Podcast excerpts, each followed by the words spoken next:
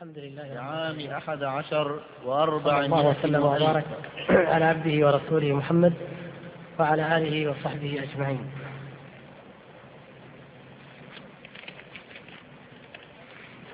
هناك بعض الأسئلة.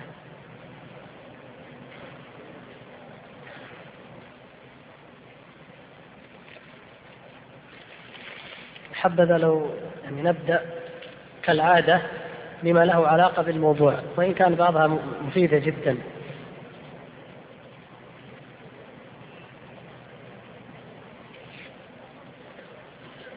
الصوت؟ فتحته؟ طيب أقول نبدأ يعني نحاول نبدأ بما له علاقة بالموضوع وإن كان هناك أشياء مفيدة لكن لعلنا نجد إن كان وجدنا وإما نجد يمكن واضح إن شاء الله الموضوع. طيب إذا نبدأ بهذه الفائدة القيمة وهي فتوى. يقول آه، فتوى هذا الورقة. بسم الله الرحمن الرحيم. المكرم فضيلة شيخنا محمد بن صالح العثيمين. حفظه الله تعالى.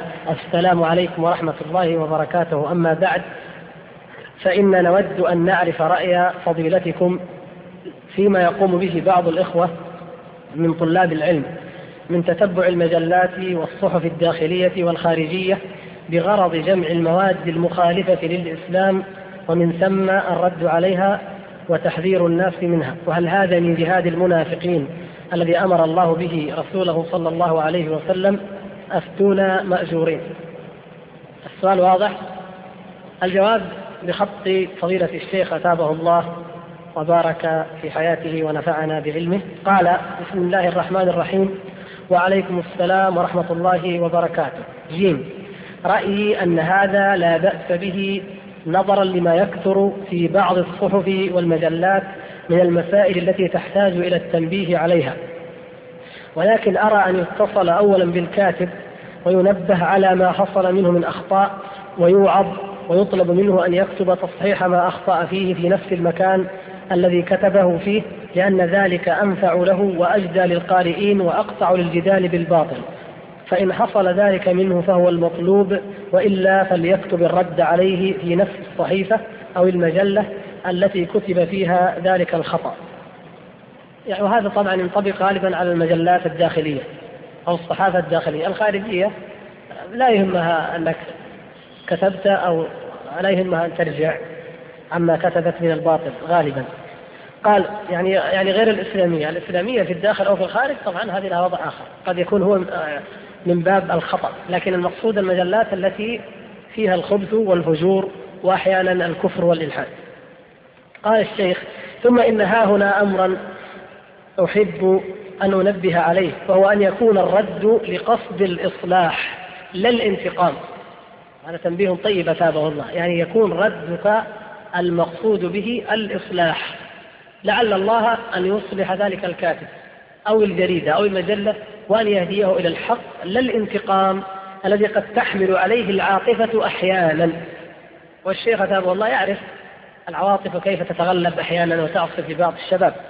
قال فإنه إذا كان القصد الإصلاح صارت صياغة الرد هادئة مقبولة. يعني قصد يعني فوق فوق أن أن ذلك خير عند الله. فإنه أيضا يؤثر في صياغة الرد فيكون هادئا مقبولا. قال واستطاع الراد أن يتحكم في أسلوبه. وأما قول السائل هل هذا من جهاد المنافقين؟ فلا ريب أن بيان الحق وإظهاره وإبطال الباطل وبيانه من الجهاد بالعلم. ولا يخفى أن الله تعالى جعل طلب العلم قسيما للخروج في جهاد السلاح. حيث قال تعالى وما كان المؤمنون لينفروا كافة فلولا نفر من كل فرقة منهم طائفة ليتفقهوا في الدين ولينذروا قومهم إذا رجعوا إليهم لعلهم يحذرون. أسأل الله تعالى أن يجعلنا جميعا من دعاة الحق وأنصاره وأن يهب لنا منه رحمة إنه هو الوهاب وصلى الله على نبينا محمد وآله وصحبه وسلم. كتبه محمد الصالح العثيمين في 26 6 1411 هجرية وتحته التوقيع. أثابه الله وجزاه خيرا. يقول الأخ هذا له علاقة قال الإمام ابن القيم رحمه الله الرهبة هي إمعان في الهرب من المرهوب وضدها الرغبة. فكيف نجمع بين اللفظتين في قول النبي صلى الله عليه وسلم؟ اللهم إني أسلمت نفسي إليك ووجهت وجهي إليك وفوضت أمري إليك وألجأت ظهري إليك رغبة ورهبة إليك. إلى آخر الحديث. نعم هذا هو كلامنا كله في الجمع بين الخوف وبين الرجاء. فإذا نجمع بين الرهبة وبين الرغبة. فالله سبحانه وتعالى يرهب عذابه ويرهب جانبه من جهة أنه شديد العقاب وأنه عزيز الانتقام. ويرغب فيما عنده سبحانه وتعالى من جهة أيضا أنه ودود وكريم وغفور ورحيم. فكل هذه أسماؤه وصفاته سبحانه وتعالى. فتجتمع الرهبة والرغبة معا. فما فيها يعني ما في شيء ما في تناقض إن شاء الله.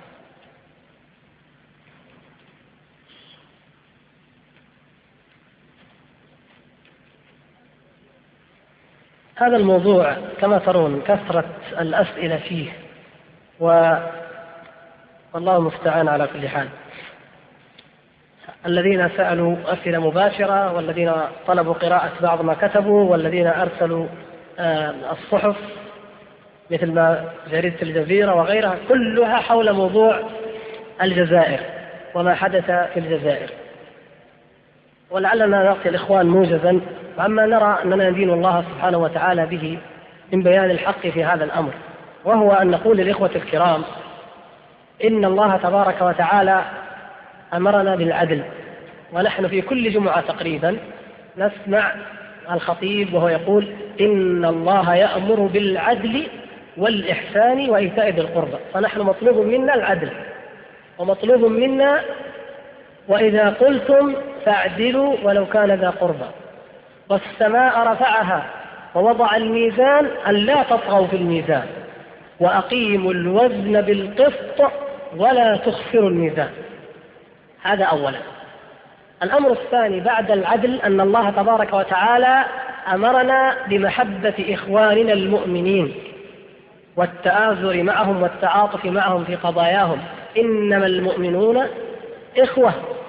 كما ذكر الله سبحانه وتعالى وكما قال صلى الله عليه وسلم مثل المؤمنين في توادهم وتراحمهم وتعاطفهم كمثل الجسد الواحد إذا اشتكى منه عضو تداعى له سائر الجسد بالحمى والسهر.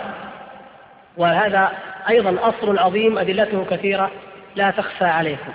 فمن منطلق ما أمر الله تعالى به من العدل ومن موالاة المؤمنين ومحبتهم والاهتمام بأمورهم نقول إن ما حدث ويحدث إلى الآن في الجزائر هو مصيبة ونازلة وفاجعة عظيمة حلت بالإسلام والمسلمين وليست بأشخاص معينين ولا بجبهة معينة ولا حزب مقصود لذاته أبدا لماذا؟ لأننا من مقتضى العدل يجب أن نقول إننا نحن وأنا مثلكم أنا معكم نحن لا نعرف الكثير عن هذه الجبهة الإسلامية. وبالنسبة لقائديها الشيخ عباس مدني وعلي بالحاج لا نعرفهما ولم نقابلهما ولم نرهما. هذا كلنا نتفق في ذلك. إذا كان فيكم من رآهم أنا أقول عن نفسي وعن أغلبكم نحن لا نحن لا نعلم عنهما شخصيا أو ليس لنا علاقة شخصية مجردة بهما. لكن من منطلق ما أمر الله تعالى به من العدل أنا أمامي رجلان. أمامي مدعيان وهما جبهتان في الحقيقة. الجبهة الإسلامية وجبهة التحرير الحاكمة. جبهتان مدعيان. وأنا بمنزلة القاضي المأمور بالعدل. كل منا كذلك. القاضي كما يقول شيخ الإسلام ابن تيمية رحمه الله القاضي أعم من أن يكون الذي في المحكمة. كل من قضى بين اثنين فهو قاضي. كل من حكم بين اثنين فهو قاضي. الآن مشكلة موجودة يطلب منا أن نحكم فيها. مختصمان متنازعان نحكم بينهما. كيف نحكم؟ هنا السؤال. قال أحدهما ونحن لا نعرفه لكن قال أنا أريد الإسلام وأريد كتاب الله وسنة رسوله صلى الله عليه وسلم وأنا عندي ثمانين بالمئة من الشعب كلهم يريدون الإسلام هذا برنامجنا وهذا تطبيقنا. الذي في المحكمة. كل من قضى بين اثنين فهو قاضي. كل من حكم بالاثنين فهو قاضي. الآن مشكلة موجودة يطلب منا أن نحكم فيها. مختصمان متنازعان نحكم بينهما. كيف نحكم؟ هنا السؤال.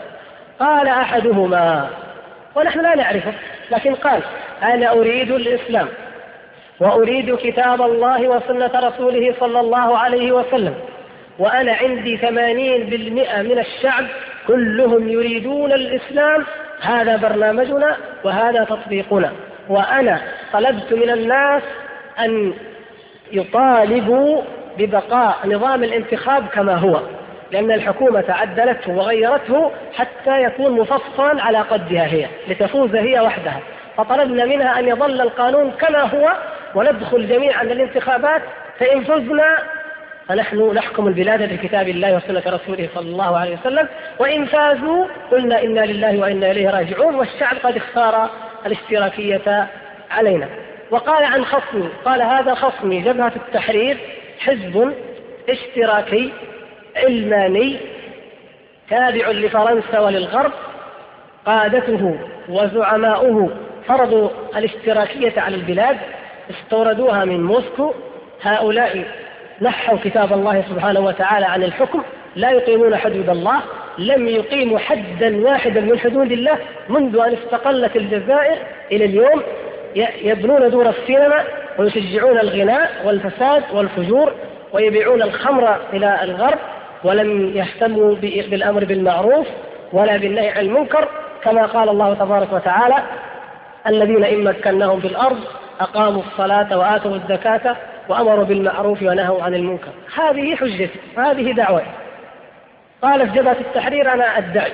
نسمع من الجبهة ماذا تقول. قالت جبهة التحرير الحزب الحاكم نحن حزب اشتراكي. يؤمن بالاشتراكية. ونحن حزب علماني.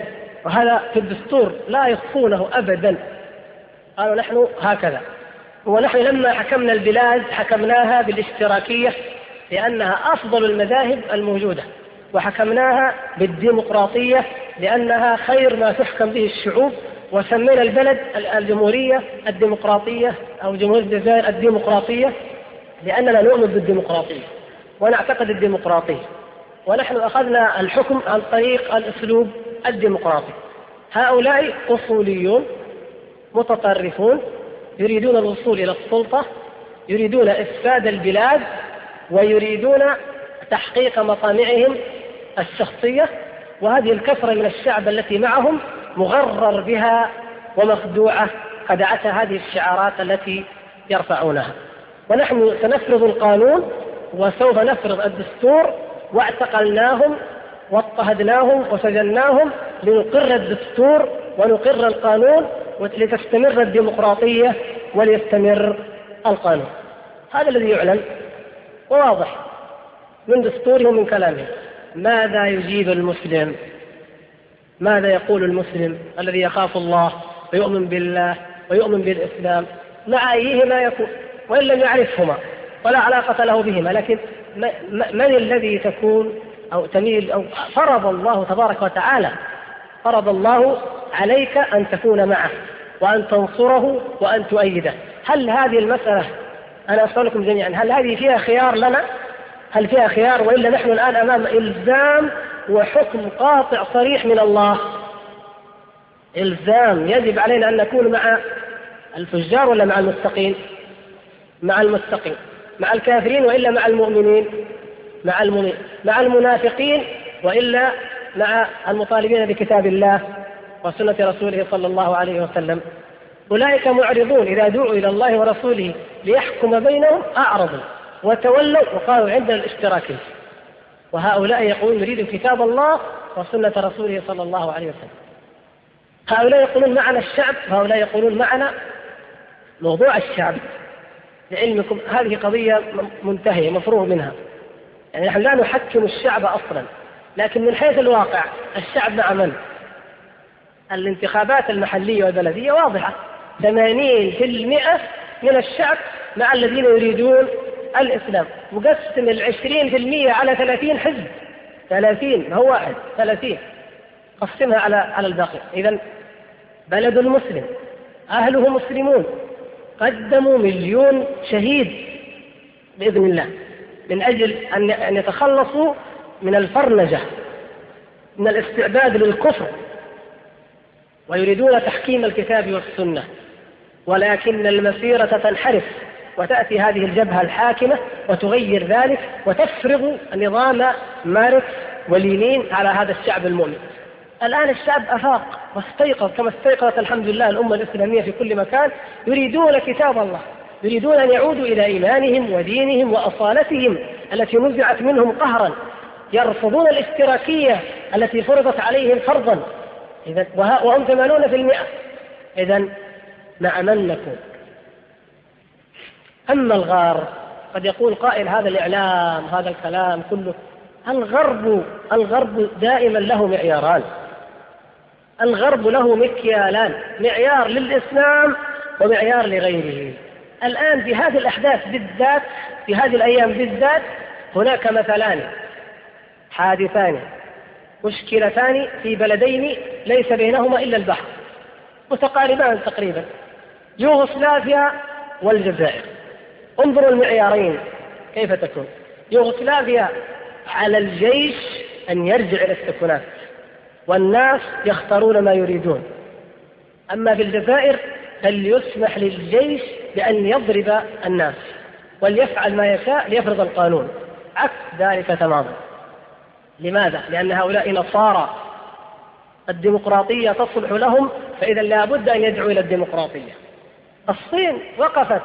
أمريكا ضد الصين حتى كاد الوفاق الذي بينهما أن ينفصل لما سار الطلبة وطالبوا بالديمقراطية. قالوا من حق الشعوب أن تطالب بالديمقراطية. ووقوف الجيش والشرطة الصينية في وجه المطالبة بالديمقراطية جريمة عظيمة. وحدثت فتنة كبيرة حتى أن أمريكا منحت الطلاب الصينيين في الولايات المتحدة الأمريكية المبتعثين للدراسة إقامة دائمة تمهيدا للجنسية وعددهم أربعون ألف طالب دفعة واحدة تأييدا لهم في مطالبتهم بالديمقراطية. لما جاءت جبهة إسلامية قالت نريد الانتخاب يبقى نظامه كما هو ويتعجل بها في موعدها ونحن نريد أن ندخل الانتخابات قالوا لا.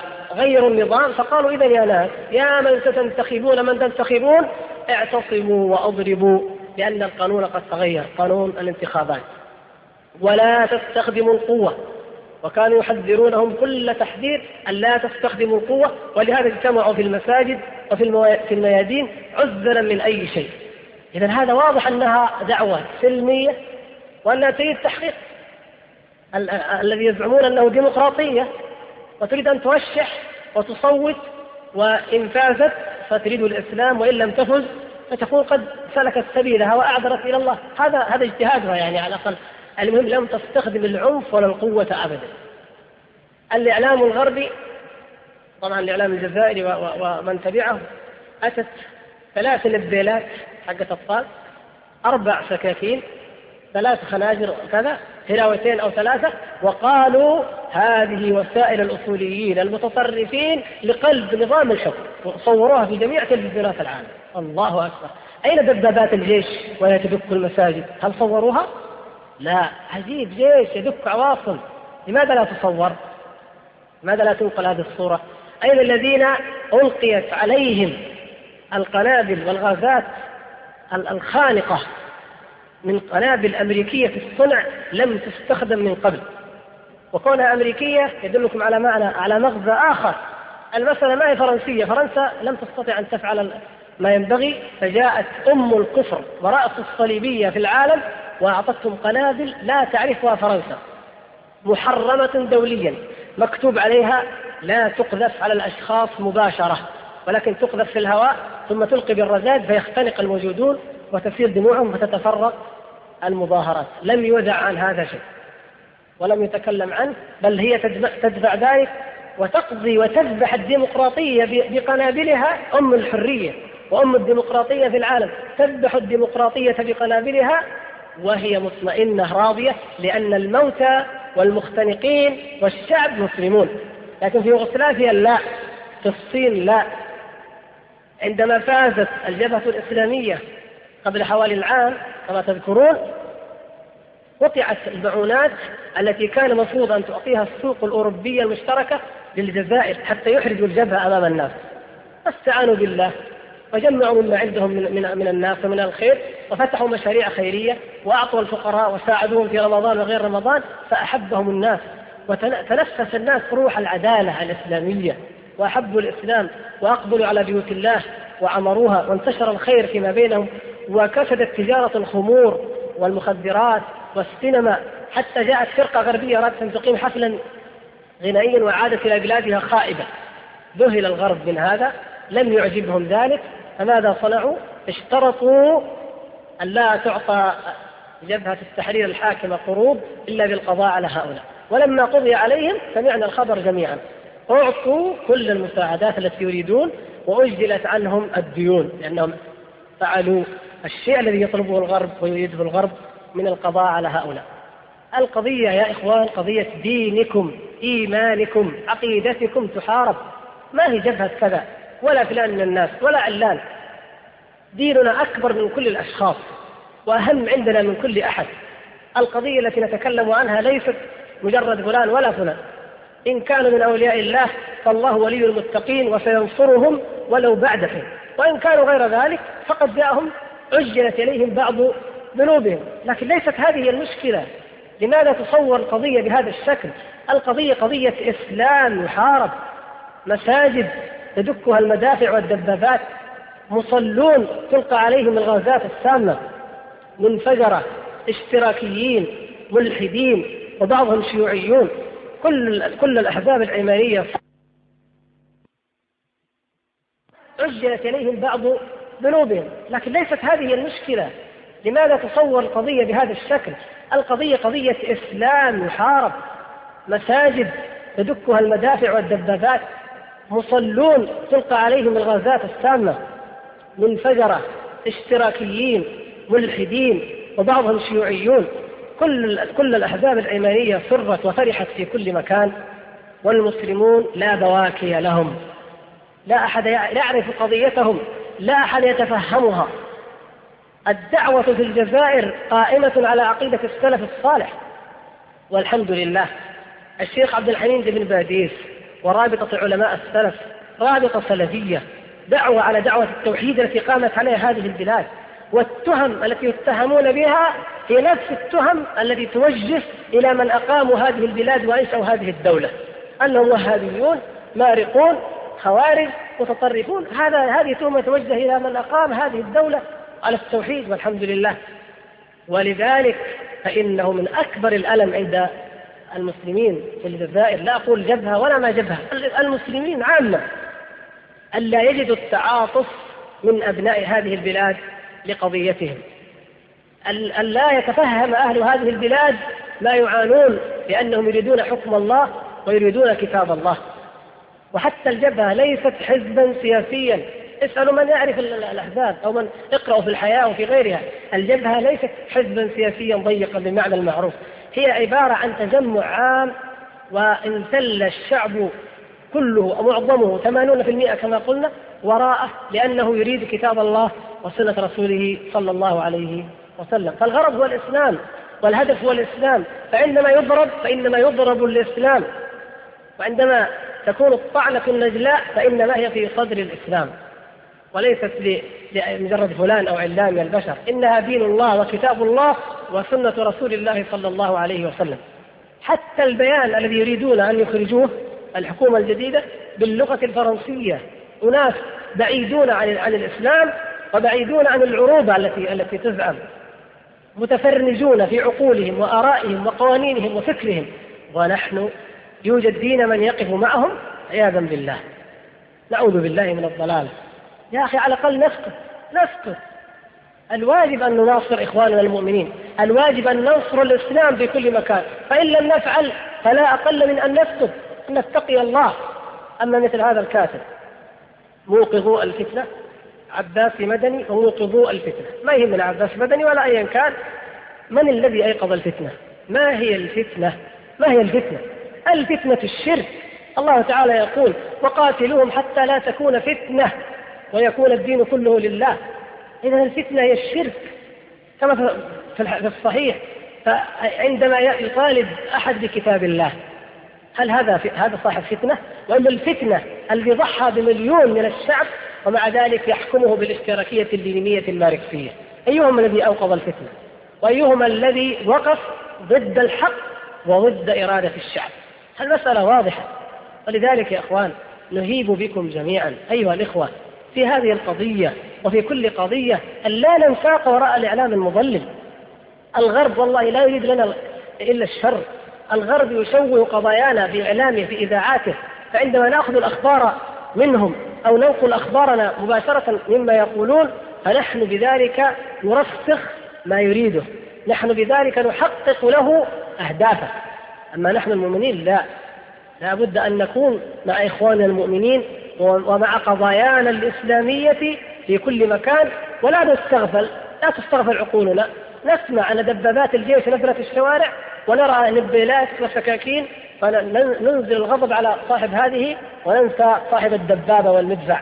هذا من استغفالهم لنا أنهم يجدوا أننا عقولنا وجدوا عقولنا مع الأسف لا تدرك كثيرا من الأمور تلبسوا علينا. هذه يا أخوان نصيحة أخ لكم في الله وأرجو أن تصل هذه النصيحة إلى هؤلاء الصحفيين الذين لا يخافون الله الذين لم يعدلوا ولا ولم يأمروا بالمعروف ولم ينهوا عن المنكر وليسهم سكتوا حتى لا يسبحون في, في تلك البلد. بلد سكانه 30 مليون مسلم والحمد لله. بلد يقول الغرب عنه يقولون إنه بعد 20 سنة أو أقل يصبح سكانه أكثر من سكان فرنسا الأم يخافون منه. فكيف لو كان هؤلاء خمسون مليونا وأكثرهم من الشباب؟ الجزائر من أعلى النسب في العالم الشباب من أكبر النسب من بين السكان. شباب ومتحمس ويريد الإسلام. إذا انتهى الغرب انتهت مصالح الغرب هذا الذي يخشونه. هذا الذي يخافونه ولهذا يضللوننا عما يجري وعما يحدث فيه. فهذا البلد إذا سمع أن أهل البلاد الطاهرة المقدسة الذين يدينون الله تعالى بعقيدة التوحيد والحمد لله وعندهم العلماء وفي بلادهم الحرمان الشريفان أن موقفهم منهم هو نفس موقف الإعلام الفرنسي والغربي يسقط في أيديهم والله. يشعرون بالمرارة والألم أشد مما يشعرون به إذا رأوا أولئك المتفرجين وأتباعهم.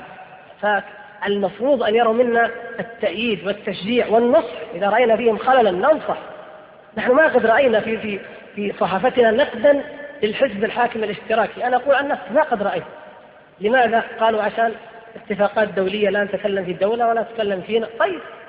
والله هذا لا يطبق. الجزائر أيام أحداث الخليج جميع صحف الجزائر كما بلغنا وجاء الحجاج ورأيتموهم. كل الصحف الجزائرية وكل الأحزاب في الجزائر والحكومة في الجزائر كانت ضد موقف المملكة في حرب الخليج. إذا كان هؤلاء الصحفيون يريدون هذا. أبدا. فنحن الآن لا, لا نتكلم إلا عن الإسلاميين فقط والاشتراكيون الذين يقفون مع حزب البعث العربي الاشتراكي وقفوا معه تجمعهم الاشتراكية والقومية والعلمانية ما تكلمنا عليهم أبدا. فإذا قيل لماذا تتكلمون عن هذه الجبهة؟ قالوا لأنها وقفت في حرب الخليج غير موقفنا كلهم في غير موقفنا. الصحافة الحكومية كانت تسخر وعملت كاريكاتيرات وعملت رسوم وعملت أشياء فظيعة وهي الصحافة الحاكمة صحافة الحزب الحاكم. أما المسلمين المسلمون الإسلاميون فما بلغنا وما قرأناه أنه أن قضيتهم التعاطف مع الشعب العراقي هكذا عبروا ضد ال ال ال الأمريكان وهم يكرهون أشد الكره صدام ويعتقدون كفر حزب البعث.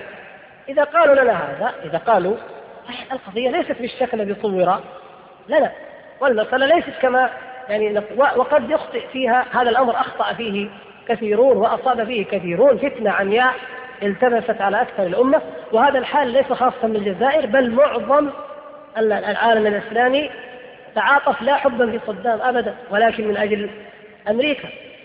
الواجب علينا أن نتقي الله سبحانه وتعالى نحن هنا ولا ننظر لهذه الأحداث. بقدر ما هي أحداث أو وقائع ننظر إلى أصل العقيدة والمبدأ وأصل العدل والدين أن نكون مع المؤمنين لا مع المجرمين. مع المطالبين بكتاب الله لا المطالبين بالدساتير العلمانية الملحدة الكافرة ودستور الجزائر الذي تسير عليه الجبهة الحاكمة دستور كفري إلحادي. ومن من عجائب هذا الدستور أنه يتيح لفرنسا التدخل إذا اقتضى الأمر في الجزائر. أين الاستقلال؟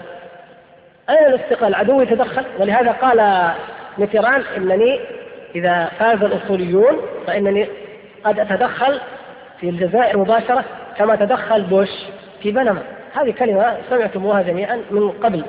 إذا يا إخوان أوصيكم ونفسي بأن نتقي الله وأن نناصح هؤلاء. والحمد لله جاءت سبحان الله هذه الفتوى يعني قدر من الله سبحانه وتعالى يعني أنه كلام الشيخ محمد يناصح من كتب. هؤلاء في الجزيرة وفي غيرها اكتبوا لهم وانصحوهم. قولوا على الأقل تكلموا عن الجميع لا تتكلموا فقط عن الإسلام ومن يطالب بالإسلام. ثم ما في هذا الكلام من بينة.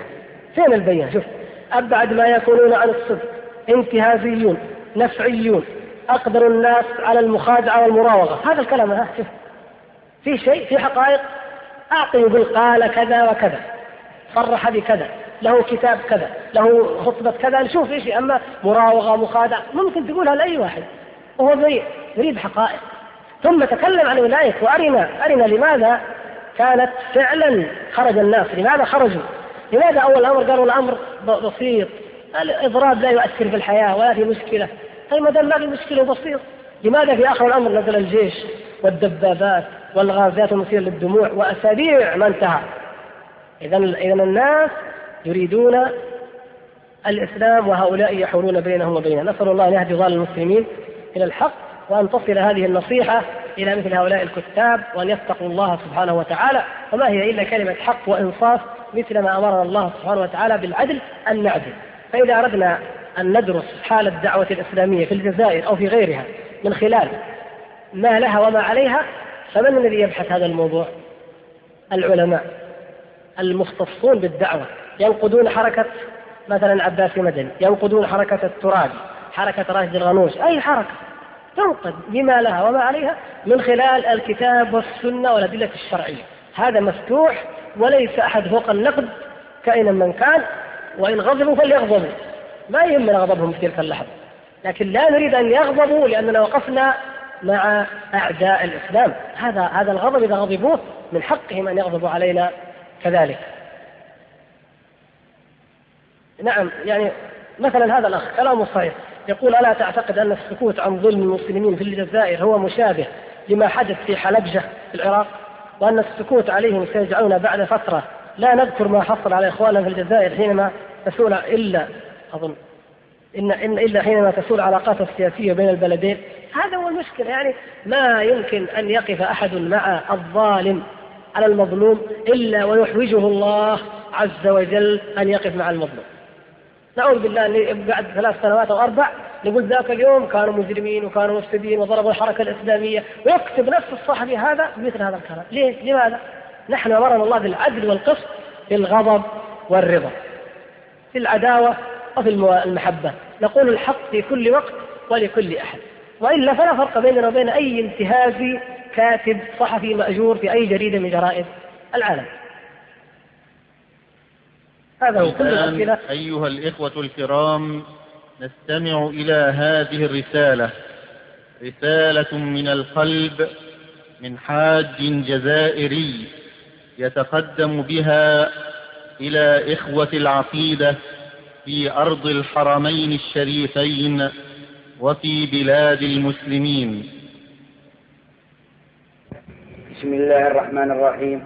والصلاة والسلام على أشرف المرسلين وعلى آله وصحبه أجمعين. أما بعد فهذه نبذة موجزة عن تاريخ الجزائر من عهد الاستقلال إلى هذه الآونة الآخرة. وسأتطرق هنا إلى الأسباب التي أدت إلى بروز جبهة الإنقاذ الإسلامية. كيف برزت جبهة الإنقاذ الإسلامية في واقع الحياة في الجزائر؟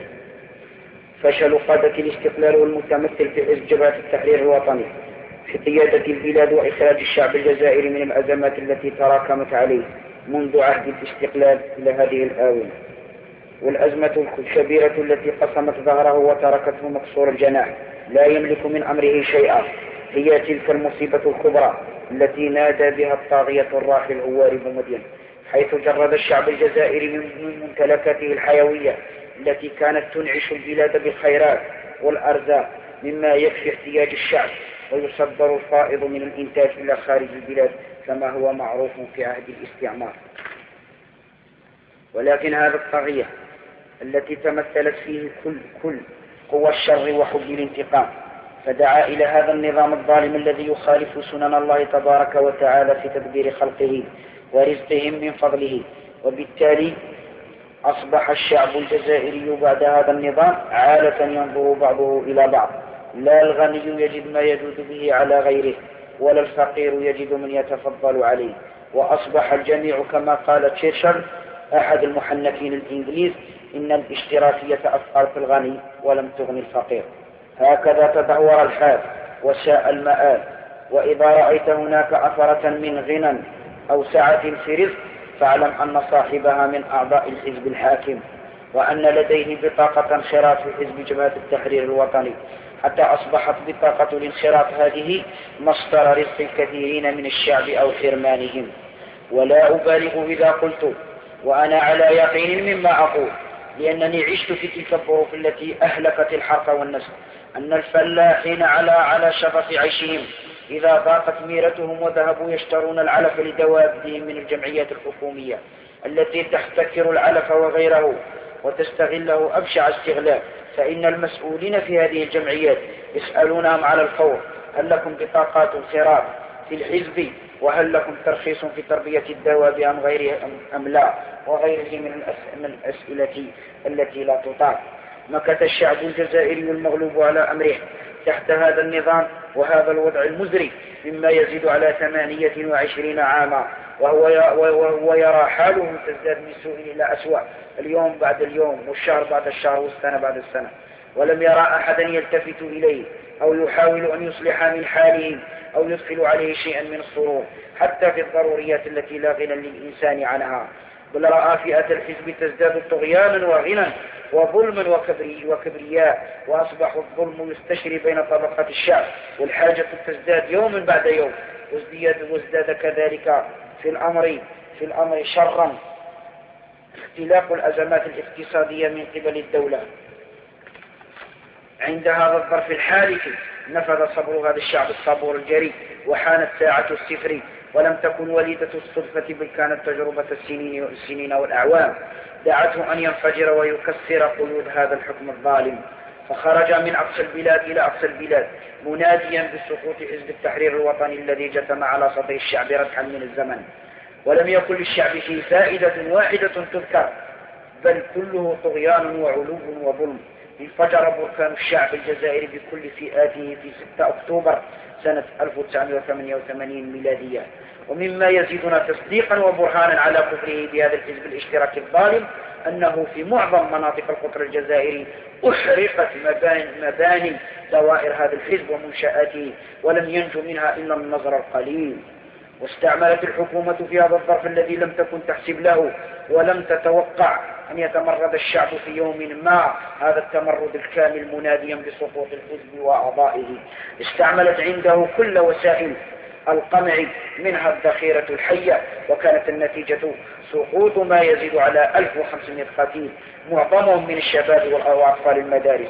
ويعلم الله أنه لم يهدئ تمرد هذا الشعب أحد ولم يسمع من أحد ولم يخف أحدا إلا ما كان من سماعه للشيوخ وخطباء المساجد فاجتمعوا ونادوا في الشعب بالهدوء والعودة إلى البيوت والكف عن الحرق والتدمير والتخريب ثم المطالبة بالحوار مع الحكومة. فهدأ عندها الشعب وخطب بعدها رئيس الجمهورية وأمر بإلغاء الحزب والدعوة إلى الديمقراطية وترك الكلمة الأخيرة للشعب وأمر بتعدد الأحزاب وأصبح الأمر جاريا.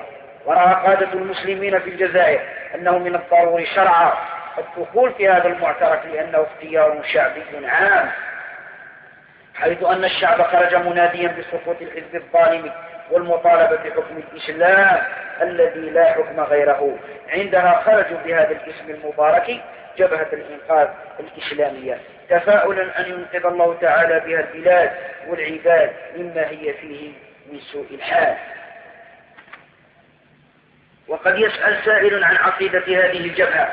فإنها فإن عقيدة هذه الجبهة هي عقيدة السلف الصالح التي تتمثل في الالتزام بتعاليم الكتاب والسنة وفي فهم وفي فهم السلف الصالح كما هي امتداد لدعوة جمعية علماء المسلمين الجزائريين.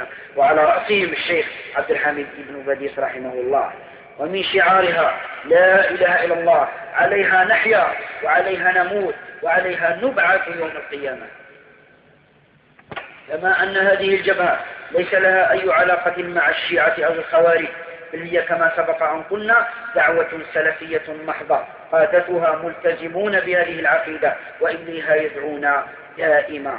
وقد وقد قامت هذه هذه هذه الجبهة بأعمال خيرية ومبرات حسنة قامت بها.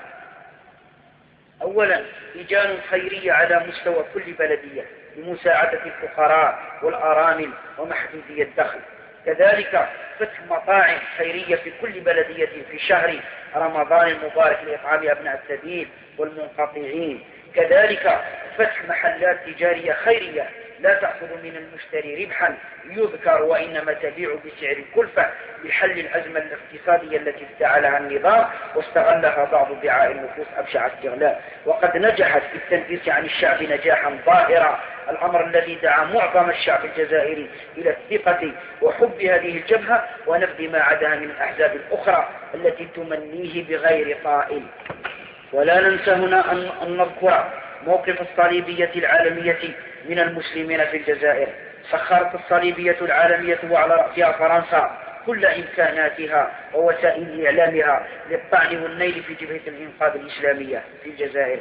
لأن فرنسا خاصة لم تنسى ولن تنسى تاريخها الطويل مع الشعب الجزائري. وأن الذي أخرجها من أرض الجزائر مدحورة صاغرة هو الإسلام وحده لا غير.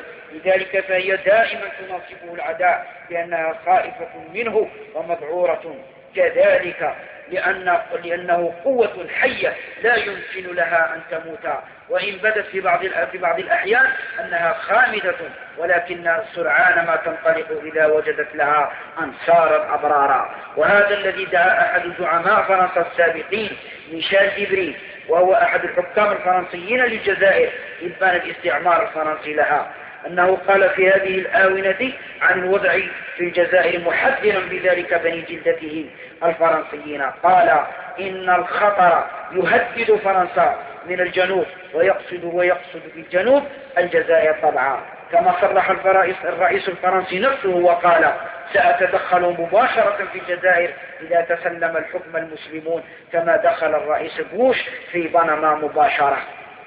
وهذا مصداقا لقوله تعالى ولن ترضى عنك اليهود ولا النصارى حتى تتبع ملتهم. زد على هذا كله أن فرنسا قد ألغت عدة عقود كانت مبرمة مع الجزائر في الاقتصاد وغيرها.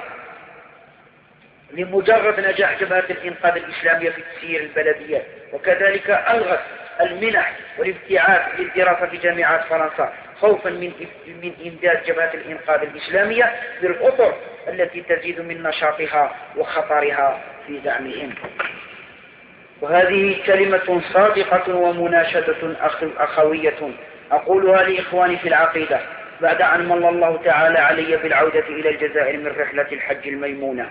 لقد يسر الله تبارك وتعالى لي الحج هذه السنة. ولقد رأيت ما يسر الخاطر ويثلج الصدر.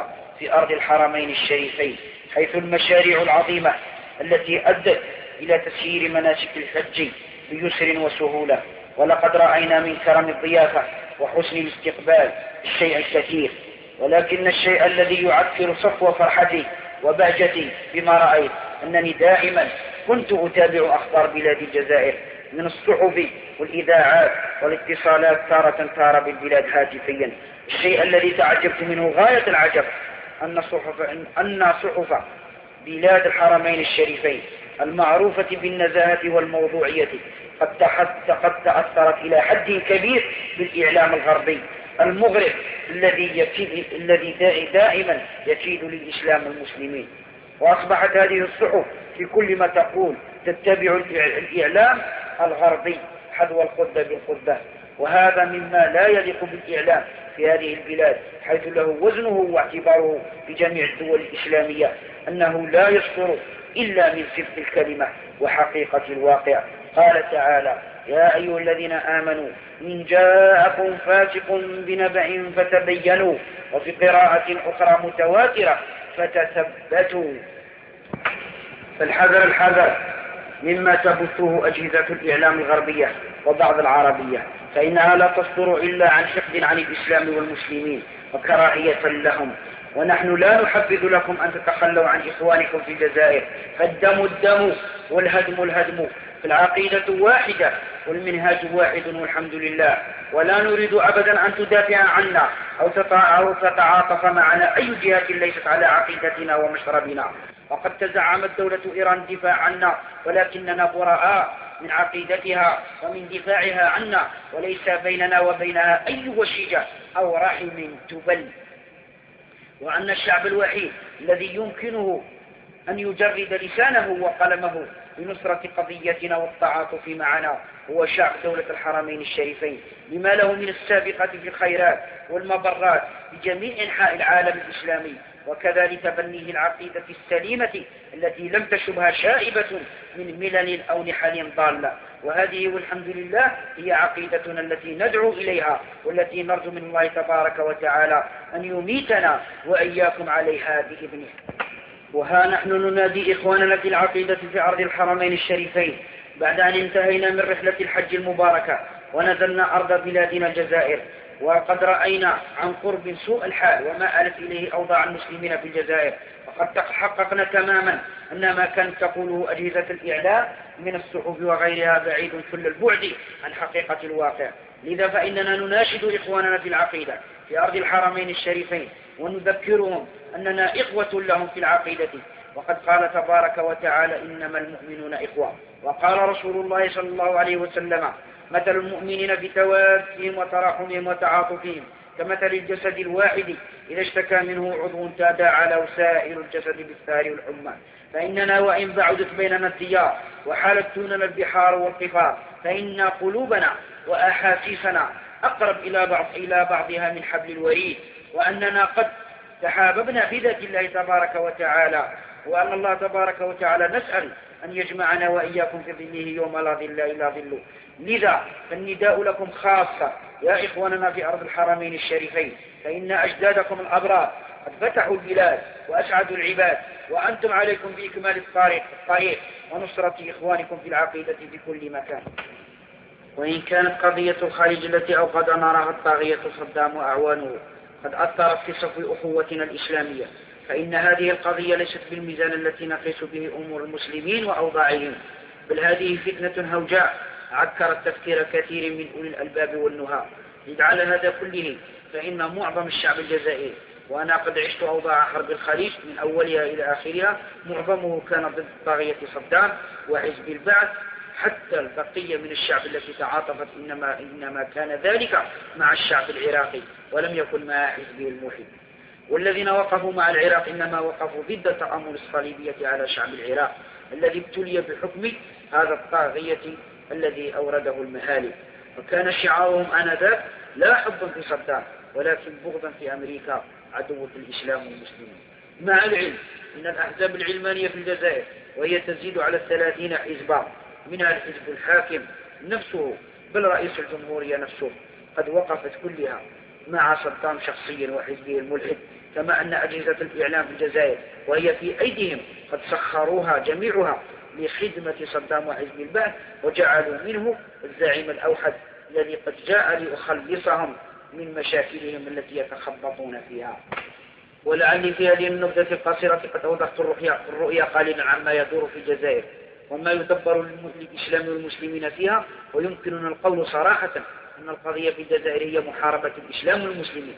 وكل المبررات التي تقال عن المسلمين كلها مدبرة ومخطط لها.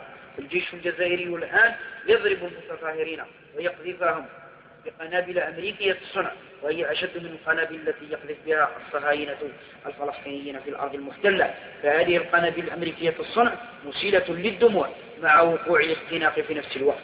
وقد احتفظ كثير من المسلمين بعينات من هذه القنابل التي فهي عندهم وشاهد صدق على ما أقول ولقائل أن يقول. ما شأن هذه الاضطرابات والمظاهرات؟ هل تأتي بقائل للمسلمين في الجزائر؟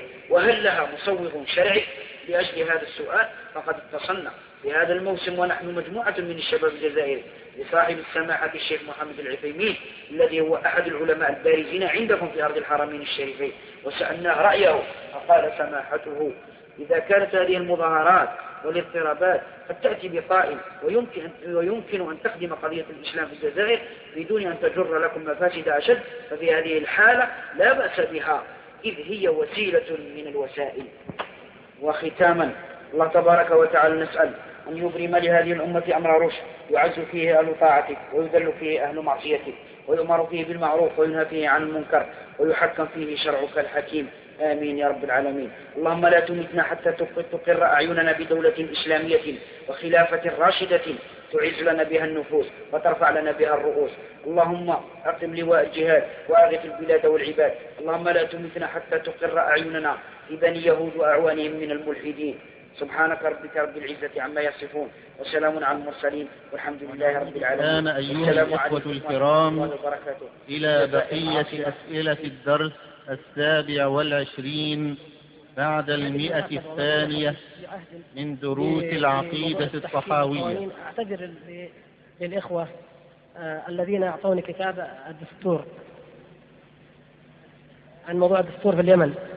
حقيقة هذا أنا نسيت يمكن هذا ثالث أسبوع أنسى سبحان الله. نسيان. المقصود أنني اطلعت على الكتاب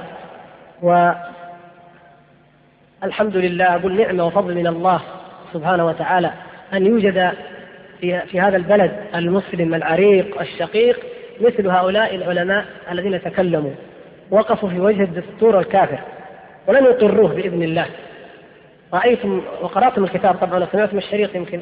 يعني صراحتهم في قول الحق وقد تتبعت المواد التي انتقدوها على الدستور فوجدت أن أن نقدهم كان صائبا وصحيحا وأني أحمد الله سبحانه وتعالى أن عندنا في الأمة من هم على مثل هذه الدرجة من الوعي. الذي عكر عليه في الحقيقة لما قرأت الكتاب أن المنافقين سبحان الله سبحان الحي القيوم في كل مكان. أيضا في في في نفس الموقف هذا كان المنافقون ولهذا كنت أريد أن الإخوة لما طبعوا الكتاب يحذفوا كلامهم حتى لو علقوا عليه. الذي يقول ما قاله الأخ الرئيس كله حق وكله صواب وفيه الشفاء وفيه الخير وسكت هذا قال شيء؟ هذا معدود بالعلماء؟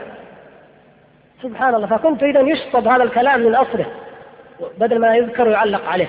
لكن أرى أظن أن الإخوة الكرام جزاهم الله خيرا أرادوا الأمانة العلمية وهي طبيعة المؤمن دائما. قالوا يعني من الأمانة أن ننقل الموضوع كاملا اللقاء كاملا ثم نعلق على أولئك. لكن الحمد لله عوض الله بمن هو خير منهم وأكثر عددا أضعافا مضاعفة العلماء الذين قالوا لا يمكن أن نوافق على دستور مخالف لكتاب الله وسنة رسوله صلى الله عليه وسلم. والوحدة إن كانت على الكتاب والسنة فأهلا ومرحبا ونحن الذين نرحب بها وندعو إليها. وإن كانت الوحدة على هذا الدستور الوضعي الذي وضعته الطغمة الاشتراكية في الجنوب فلا ورفضوه. وكتاباتهم وتوقيعاتهم وآرائهم تشكر لهم ونسأل الله أن يثيبهم وأن يجعلها في ميزان حسناتهم. وأعتذر إليكم مرة أخرى عن تأخير الجواب في هذا الأمر.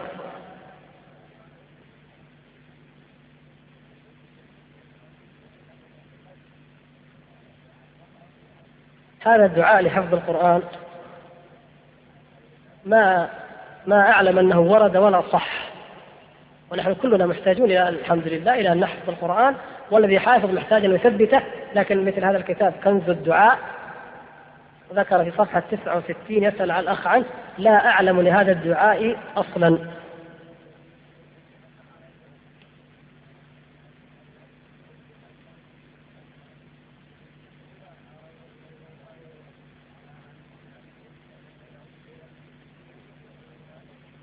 هذه الفرص الذهبية مطبوعة في شكل كبير وفي شكل صغير.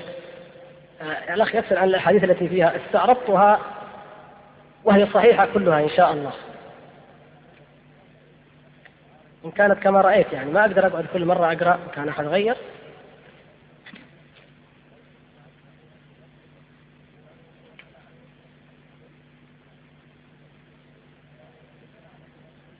لا توزع. الأخ يسأل يوزع الكتاب هذا كنز الدعاء؟ حتى يتأكد. أنا ما رأيت إلا هذه الصفحة. فحتى نتأكد لا أستطيع أن أقول لك وزع إلا إذا تأكدت من أنه آه، ليس فيه أحاديث باطلة أو ضعيفة.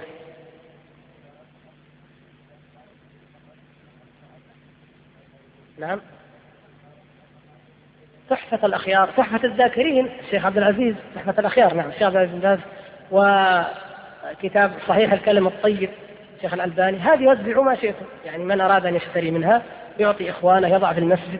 هذه موثقة الحمد لله صحيحة.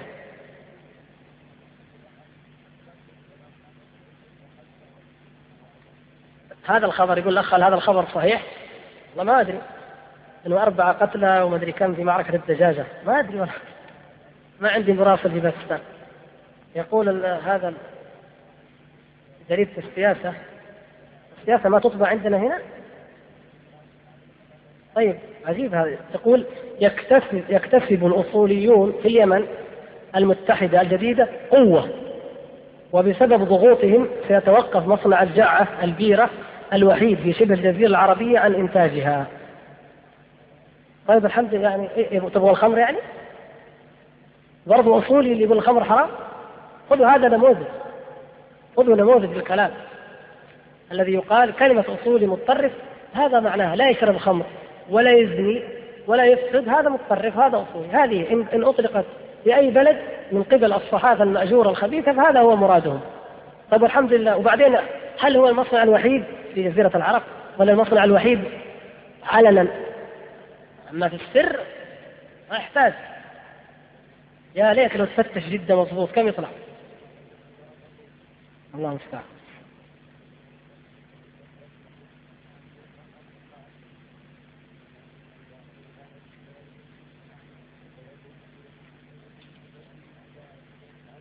يقول الأخ ما هي المكوس وما الفرق بينها وبين الضرائب الحديثة؟ وما هي العشور؟ وهل هذه الموارد المالية محرمة شرعا؟ وما هي الأدلة الشرعية على التحريم؟ وما هي أدلة التحليل؟ السؤال يحتاج إلى محاضرة وأيضا ليست محاضرة في المسجد في قسم الاقتصاد من كلية الاقتصاد والإدارة. لكن نوجد المكوس أو الجمارك أو الضرائب أو العشور التي يأخذها الظلمة وتؤخذ بغير حق بغير وجه شرعي كلها معناها واحد أسماء لشيء واحد وكلها حرام. ويكفي في تحريمها قوله صلى الله عليه وسلم بالمرأة لما رجمت لقد تابت توبة لو تابها صاحب مكس لقبل منه. عجيب. المرأة الزانية تابت توبة لو تابها صاحب مكس وليس الزنا. يعني المكس أعلى وأشنع وأفظع يعني أعلى في الفساد. وأشنع وأفظع وأجرم من الزنا. هذا الحديث صحيح. في بعض الأحاديث في, في سندها كلام كقوله صلى الله عليه وسلم إنما العشور على اليهود والنصارى رواه أبو داود وأيضا له في المسند. هذا في سنده ضعف لكن هذا المعنى والعشار أو المكاس الذي كان في القديم في الماضي كانوا يسمونهم العشارين أو المكاسين. كانوا في, في عند الرومان وعند الفرس وعند العرب في الجاهلية. معروف هذا عندهم العشور. هي التي يسمونها في العرف الحاضر الجمارك. لا نعني إدارة الجمارك ترى الإدارة الإدارة إدارة الجمارك الآن. تطلق على عدة أعمال منها التفتيش على المخدرات وهذا عمل خير عظيم وأجرهم إن شاء الله كبير فيه من التفتيش على المجلات والأفلام الخبيثة وهذا هذا عمل طيب فإحنا كده نسميهم جمارك حتى إذا نزلت المطار أظن حتى هم اسمهم جمارك مع إنه المقصود بالجمارك في الأصل هو إيه؟ الذين يأخذون العشور من الأموال التي تمر أو تقدم أو تدخل إلى البلد أو تخرج منه، هذا هو المحرم وهذا هو المكس. أما إذا كان عملهم مراقبة المنافذ البحرية والجوية والبرية لضبط ما يدخل من محرمات شرعا فهذا من أعظم أنواع الحسنى وهو داخل في الأمر بالمعروف والنهي عن المنكر. لكن عموما التسميه عالمية لها تسمى جمارك. كتاب الأموال لأبي عبيد فصل وذكر يعني أشياء كثيرة في هذا الموضوع وهي من الموارد المحرمة لا شك أنها من الموارد المحرمة شرعا وذكرنا هذه ذكرنا إن شاء الله من الأدلة ما يكفي وقال نعم الشيء أو الصورة أو الحالة الوحيدة التي تجوز فيها هي إذا كانت على سبيل المعاملة بالمثل. يعني إذا كان أولا طبعا على غير المسلم لأن المسلم لا عشور عليه. المسلم ماذا عليه في ماله؟ الزكاة. لكن الكافر الذي يمر ببلاد المسلمين مجتازا بها إن كان تاجرنا إذا مر بلادهم يؤخذ عليه عشرة في المئة أخذنا عليهم عشرة. إن أخذوا عشرين أخذنا عشرين. هذا ليس مكسا هذا من من قبيل المعاملة بالمثل. نعم. أما أن يؤخذ من المسلمين وعلى أشياء إسلامية بضائع إسلامية أو أمور يعني حلال مباحة فهذا لا يجوز. إذا نوجز مع كثرة الأسئلة. ما هي الظاهرية؟ هل هي فرقة من الفرق الضالة مثل المرجئة والخوارج؟ ثم ما هي أفكارهم الرئيسية؟ ومن هم المنظرين لهم؟ الظاهرية مذهب فقهي وليست فرقة عقائدية. مذهب فقهي. لكنها تعد من البدع من جهة. من جهة ماذا؟ يعني ليست فرقة بدعية لكن تعد من أهل البدع من جهة إنكارهم لكون الشريعة معللة. يعني هم ينكرون الحكم الشرعية وبناء على ذلك ينكرون القياس. هنا حتى لا نعبر بالتعبير الأصولي القياس والقياس منه مذموم ومنه محمود منه صحيح ومنه فاسد نقول ينكرون أن الشريعة معللة. والشريعة معللة يعني لها علل أحكام ومصالح معروفة. مثلا القتل قتل. الله تعالى يقول من أجل ذلك كتبنا على بني إسرائيل أنه من قتل نفسا بغير نفس أو فساد في الأرض فكأنما قتل الناس جميعا. يعني معللة. من أجل ذلك. معللة أكثر الأحكام. لئلا يكون دولة بين الأغنياء منكم. أليست هذه علة؟ معلل الحكم.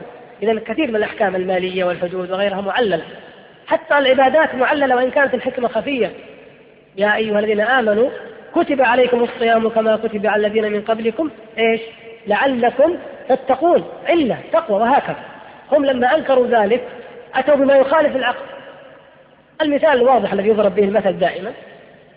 النبي صلى الله عليه وسلم يقول إذا بال أحدكم لا يبولن أحدكم في الماء الراكد ثم يغتسل الذي لا يجوز يعني إذا النهي عن البول في الماء. قالت الظاهرية لو بال في قارورة ثم صبها في الماء يجوز هذا كلام. هنا هنا تقع إيش؟ البدعة. وقعوا في الابتداء. لما نفوا الحكمة والعلة واحدة واضحة وهي تنجيس الماء وهكذا. فمما أثر عن الإمام أحمد رحمه الله أنه قال هذه من أول البدع أو من إحدى البدع. إمامهم القديم داود بن علي الظاهري. ثم تزعمهم وأظهر شأنهم وأمرهم الفقيه المجتهد البارع أبو محمد ابن حزم. فقد يعني قد ملأ علمه علمه الآفاق وضرب في كل علم بسهم في اللغة والبلاغة والبيان وفي الفرق رجل عالم. لكنه كان سليط اللسان بالإضافة إلى هذا. ثم أضاف إلى ذلك أمرا آخر وهو أنه في العقيدة رغم أنه ظاهري في الفقه لما جاء في العقيدة ترك ظاهريته وأعمل عقله فأتى بالعجائب. أتى بعجائب لا يتسع لها المقام. في بعض الأمور وافق الجهمية بعض الأمور وصل به الحال أنه يكاد يوافق الباطنية والقرامية وفي بعض الأمور يعني وافق أهل السنة يعني باجتهاده الخاص وترك ما أجمع عليه السلف. في موضوع الأسماء والصفات وغيرها. وإن كان له ردود قيمة وعظيمة على ابن حزم على اليهود وعلى النصارى في كتابه هذا وعلى الصوفية وعلى الشيعة وعلى الخوارج هو رجل قوي قوي في العلم وقوي في الحجة والبيان. فله وعليه نسأل الله أن يغفر لنا وله. يقول الأخ سئلتم منذ بضعة أشهر عن توبة المخرج السينمائي أنيس عبد المعطي حيث لم يكن لديكم معرفة كافية به وقد علمنا أنكم قدمتم لكتابه محاكمة أهل الفن. فهل من كلمة تعرفنا من خلالها بهذا الأخ وبتوبته وكتابه عسى أن يكون في ذلك تبشير للمؤمنين وإغراء للعصاة بالتأسي به والإقبال على الله؟ ويمكن تنبيه الإخوة على وجود شريطين للأخ أنيس قذارة الفن والسينما وتشويه المرأة. نعم أنا عرفت الأخ عن قرب ونسأل الله سبحانه وتعالى نسأله أن ييسر ويهيئ خروج كتابه هذا فهو كتاب مفيد لأهل الفن ولغيرهم. وهو والحمد لله أول ما عرفت عنه أنا قرأت في بعض الجرائد أو رأيت في بعض الجرائد عندنا هنا دعاية له وأنه يريد أن ينتج عملا فنيا لم يسبق إليه ويحشد فيه معظم الفنانين والمطربين المشهورين في العالم العربي. وذكروا فلان وفلان وفلان وفلانة وفلانة وفلانة. فقلنا لا حول ولا قوة إلا بالله. كلما نقول آه، سوف يهدم الله سبحانه وتعالى دولة الفساد والقذارة هذه وإذا بها يظهر لها كل يوم عماد جديد ومنهم هذا الشاب وأثنوا عليه وأن النقاد العالميين قد ذهلوا من مما أوتي من مهارة وملكة ومن ذوق وإلى آخر ذلك. ثم أراد الله سبحانه وتعالى وقابلناه وعرفناه وقد هداه الله والحمد لله على ذلك. وأراد أن يكفر عن ماضيه الفني العفن بأن يكتب هذا الكتاب مبينا خطر الفن كما يسمى مبينا الأيادي الصهيونية الخبيثة في في نشر التمثيل والطرب والفن وما يتعلق به. مبينا أن الأمة المؤمنة الجادة الصادقة لا تتعامل مع هذا العفن ومع هذا النتن ومحذرا وناصحا أولئك بأن يتوبوا إلى الله سبحانه وتعالى. وأن يستغفروا. وذكر من سيرهم ومن أحوالهم ما فيه عبرة. إن شاء الله ستقرؤون الكتاب وتجدون العبر التي آه، تراها عقولكم واضحة من حياة هؤلاء. ما فيها من النكد ما فيها من التنغيص ما فيها من التقليد الساذج لأعداء الله سبحانه وتعالى. ما فيها من الموالاة لأعداء الله أيضا من الكفار. ما فيها من التبعية لخدمة الأغراض الصهيونية وأشباهها ممن يحاربون كتاب الله ويحاربون الإيمان والإسلام في عقر داره. نسأل الله سبحانه وتعالى أن يثيبه وأن يؤجره وأن يثبته على الحق وأن يرد الإخوة الذين غرقوا في هذه المعاصي عن جهل وانخداع إليه ردا حميدا وأن يعرفوا في أي ركب يسيرون ومع من يطبلون وأهداف من يخدمون. فيرجع إلى الله ويتوب توبة صادقة نصوحا تنفعهم عند الله. والأشرطة موجودة بإمكانكم أن أن تسمعوها إن شاء الله وتفيدوا منها بإذن الله. قريبا إن شاء الله يصدر عن تسجيلات الآثار الإسلامية الإصدار الجديد توبة المخرج السينمائي أنيس عبد المعطي. هذا له علاقة بالفن أنا ما قصدت لكن على طول كذا. شوف يقول إيش؟ يقول تقليد جديد يتبعه الآن النجم المسرحي فلان اتفق مع حيث اتفق مع قارئ قرآن لتلاوة آيات من الذكر الحكيم في السادسة والنصف مساء كل يوم على خشبة مسرحه سواء كانت فرقة مسرحية تقوم بالعمل أو في إجازة هذه الفرقة تتصدر إيرادات المسرح منذ بداية الموسم الشتوي. يعني حتى والفرقة تغني وتطبل هذا يقرأ قرآن يعني بركة. عشان عشان الرزق يكثر وعشان التمثيلية تنجح نعوذ بالله. يخسرون الدنيا بالدين. هذا هو الإجرام في حق كتاب الله. صور الصحابة؟ هذه الصور صور الصحابة والتابعين. هنا بدر يوم بدر. عزيز. هذه جريدة باسم وتصور معركة بدر.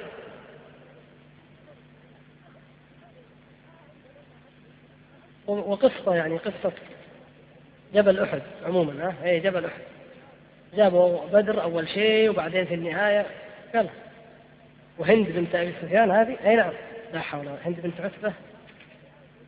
على كل حال يعني هذه ما في المجلات هذه من نشر صور للصحابة وأحداث السيرة الصحابيات مثل ما أيضا في المسلسلات التلفزيونية مثل غيرها هذا حرام. لا يجوز إقراره بأي حال من الأحوال. ويجب ساسن في الإمارات. أظن قرأت أنها في الإمارات. لا هذه تبع الشركة. أي نعم. هذه حقوق النشر محفوظة للشركة السعودية للأبحاث والتسويق هذه تبع الربع. حقون هشام حافظ هذا الشركة الخبيثة نعوذ بالله. هذا كتاب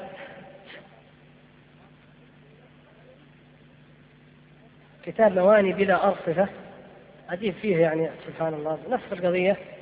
يعني كما يقول الأخ أو الأخت السائلة ماشي على ما أدري. نعم هي أخت من الجامعة. يعني ماشي على منهج غافل البصيبي ونجيب محفوظ وأمثالهم في أشعارهم. ويقول ذكرت مثال يقول آه، تقول الكاتبة أنا امرأة خلقت من حديد. مثل تاتشر. نعم. وليس من صلصال.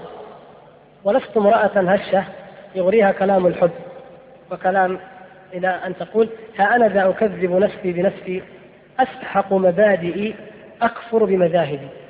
أعوذ. كذا هذا الحديث لا والله لو كان خشب أحسن. إيش استفدنا من إذا كانت هذه المرأة التي خلقت كما تزعم. من أعوذ بالله. صفحة كم؟ والله هذا والعجيب إنه في التقديم يقول ال... يقول الكاتب أفلا يكون نجيب محفوظ؟ قدوة للآخرين في هذا الموضوع؟ الله. هذا القدوة؟ يعني مع هذا مع ما في هذا من الشنائع هذا أحد الأمثلة المطلوب أيضا أن يكون الدين محفوظ والقدوة هذه مشكلة يعني. وأن هذه تشكو الأخت أن مثل هذه الكتب والمجلات تكتب بها مكتبة تهامة التي لها موقع ممتاز في الجامعة يرتادها الطالبات من مختلف الكليات والمنصوبات وهذه المنكرات يعني تباع لا حول ولا قوة إلا بالله. والله يجب الإنكار هذا يا إخوان. لا يجوز السكوت عليها. بالإضافة إلى ما ذكرت الأخت من الموسيقى وكذا ثم النادي الرياضي بالجامعة والمدربات التي يلبسن الضيق. الله المستعان. أي نعم. الله المستعان. على كل حال لا وقت لقراءة هذا لكن نسأل الله يصلح. هذا الكتاب الذي يسأل عنه الإخوان كتاب شفاء الفؤاد في زيارة خير العباد. إلى الآن ما شفته. أرجو أن أراه إن شاء الله. سمعت عنه لكن من عادتي كما ترون دائما لا نتكلم إلا عن شيء يكون في اليد يعني موجود. حتى نقول قال أو نقرأ من من كلامه. لكن هو عمرو بن لحي لا يخفى عليكم. يعني أدخل الأصنام أفسد التوحيد أيام ملة الذي ورثه الناس عن ملة إبراهيم عليه السلام أفسده. وفي كل زمان يظهر من أمثاله. من يريد أن يفسد دعوة التوحيد. هذا الكتاب ما فيه من شركيات وضلالات إن شاء الله نبينها من نصه إذا وصلتنا نسخة خاصة بنا إن شاء الله وهذه بشرى يمكن تكون بشرى طيبة لبعض الناس مع الأسف هذه منشورة في جريدة إيش؟ الشرق الأوسط التدخين يمنع الإصابة بمرض الخرف يعني اللي ما يبغى يخرف يدخن فهمتوا كيف؟ هذا المعنى الكلام واللي يبغى يخرف كيف؟ لا يشرب ولا يكيف يعني مثل هذا العناوين مثل هذا الكلام تخدم من؟ لمصلحة من؟ إذا كانت الدعاية للدخان ممنوعة في الصحف الداخلية جاءت الصحف السعودية لتصدر في الخارج تحايلت تحط الإعلان على الصفحات الواضحة الأغلفة والملونة وتكتب تحت تحذير تناقض عجيب يقول أن تعال إلى حيث النكهة الجمال والمتعة وما أدري إيه ويجيبوا لك حصان ملون كذا جميل جدا وكذا كأن الدخان هو اللي خلاه بهذا الشكل مع أن الحيوان مما أعطاه الله من غريزة لا يمكن يأكل الدخان أبدا أعطى, أعطى هذا الحصان دخان لا يمكن يأكل لكن يجيبوا صورته ويقول لك تعال إلى النكهة والمتاع والصحة والمدري إيه وتحت تحذير كذا مخفض التدخين ضار بالصحة سبحان الله إيش الكلام هذا؟ هل يفعل هذا عاقل؟ هل هذا من شأن العقلاء؟ التناقض هذا المكشوف. وإلا الله سبحانه وتعالى أعطانا العقل. إن كان ضارا فلا يدعى له. أبدا. وإن كان مفيدا فلا يكتب أنه ضار. ما يمكن تجتمع ضار وتعالى إليه وهو المتعة والنكهة والجمال. لا يمكن أبدا. لكن هذا نموذج صغير بسيط للتناقض الذي نعيشه في كل حياتنا. مع الأسف. إلا إذا تمحضنا لما أمرنا الله به تبارك وتعالى. وأطعنا الله ورسوله في كل أمر ونبذنا غير ذلك وإن كانت شهواتنا تدعو إليه. بالنسبة لحركات الإصلاح التي تكلم عنها ليس جمال الدين جمال الدين الأفغاني زعيما اصلاحيا بل هو رافضي خبيث المذهب. قرأنا كتبه مباشرة. ما هو مجرد نقل عن أحد موجودة كتب مباشرة تقرأ. ومحمد عبده كان عقلانيا وتلميذه رشيد رضا كان أفضل منه لكن أيضا لديه بدع وانحرافات لا مجال لذكرها الآن. الكواكبي ليس أيضا من دعاة الإصلاح. الحركة المهدية في السودان حركة صوفية باطنية وليست من الإصلاح في شيء.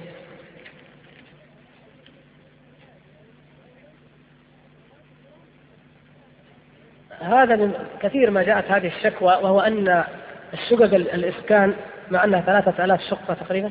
يعني ليست بها مساجد. ما هي مشكلة المساجد وبس؟ أنا ما أدري كيف سيسكنون الناس يتكومون في هذه العمارة. كيف يعيشون؟ كيف يتصرفون؟ كيف يعملون؟ ولو تعطل المصعد أو انسد درج درج شفته كذا؟ اذا إذا انقفل فين أين ينزل الناس وفين يذهبون؟ لو جاء حريق. أنا ما أدري الحقيقة يعني اعترف إنني ما عندي خبرة في الهندسة المعمارية لا تقولوا إنه. لكن عندي خبرة كيف أسكن؟ يعني أعرف كيف أسكن؟ فتح عيوني أشوف أقدر أسكن هنا ولا لا. فانا الحقيقة اتعجب من هذا النموذج. يعني هناك نماذج في البناء والمعمار بنتها أوروبا قبل أكثر من خمسين سنة وخاصة الدول الاشتراكية طبعا مثل بريطانيا وغيرها. هذه تبني أي بناء لأنها تحشر الناس ما يهم متعرين ولا غير متعرين مختلطين ولا عندهم صلاة ولا دين. إحنا خمس مرات تحتاج تروح وتجي إلى المسجد. خمس مرات ما هو مشوار, مشوار واحد. فإذا كان الأمر السكن بهذا الشكل فأنا أقول الله يعين من يسكن فيه. لأن لن يسكن فيه إلا المضطر في نظري. الله يعين على ما سيلاقي من تعب. أما الإصلاح نعم يمكن الإصلاح بوضع آه، يعني مساجد بوضع آه، وسائل معينة للتخفيف من هذا الضنك الذي قد يجده السكان إن شاء الله.